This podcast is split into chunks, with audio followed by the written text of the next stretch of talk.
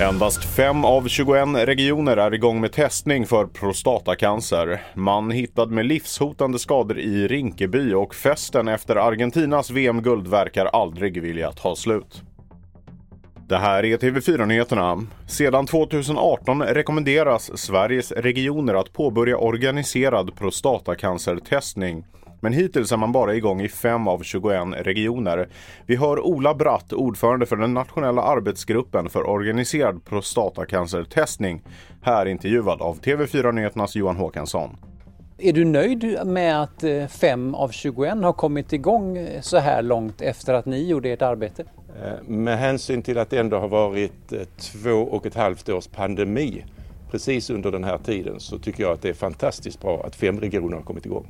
Men de anser ju att det finns liv att rädda här. Eh, det finns liv att rädda men det är också så att svenska sjukvården har många liv att rädda. Att börja satsa på att erbjuda tiotusentals män testning tar mycket resurser. Det har varit skottlossning i Rinkeby i nordvästra Stockholm under morgonen och en man har hittats med livshotande skador.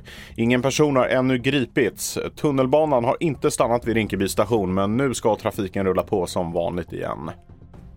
Och om du är ute och rattar med bilen just nu så ska du ta det lite lugnt för att SMHI har utfärdat en gul varning för plötslig ishalka för bland annat delar av Halland, Västergötland och Bohuslän. Den kan med andra ord slå till när som helst. Det kan även vara lokalt halt på andra håll i söder. Och festen verkar aldrig vilja ta slut i Argentina efter VM-guldet i fotboll förra helgen och nu uppges många tatueringssalonger i huvudstaden Buenos Aires vara fullbokade av argentinare som vill tatuera in lagkaptenen Lionel Messi på kroppen. Mitt namn är Felix Bovendal och mer nyheter hittar du på tv4.se och i appen.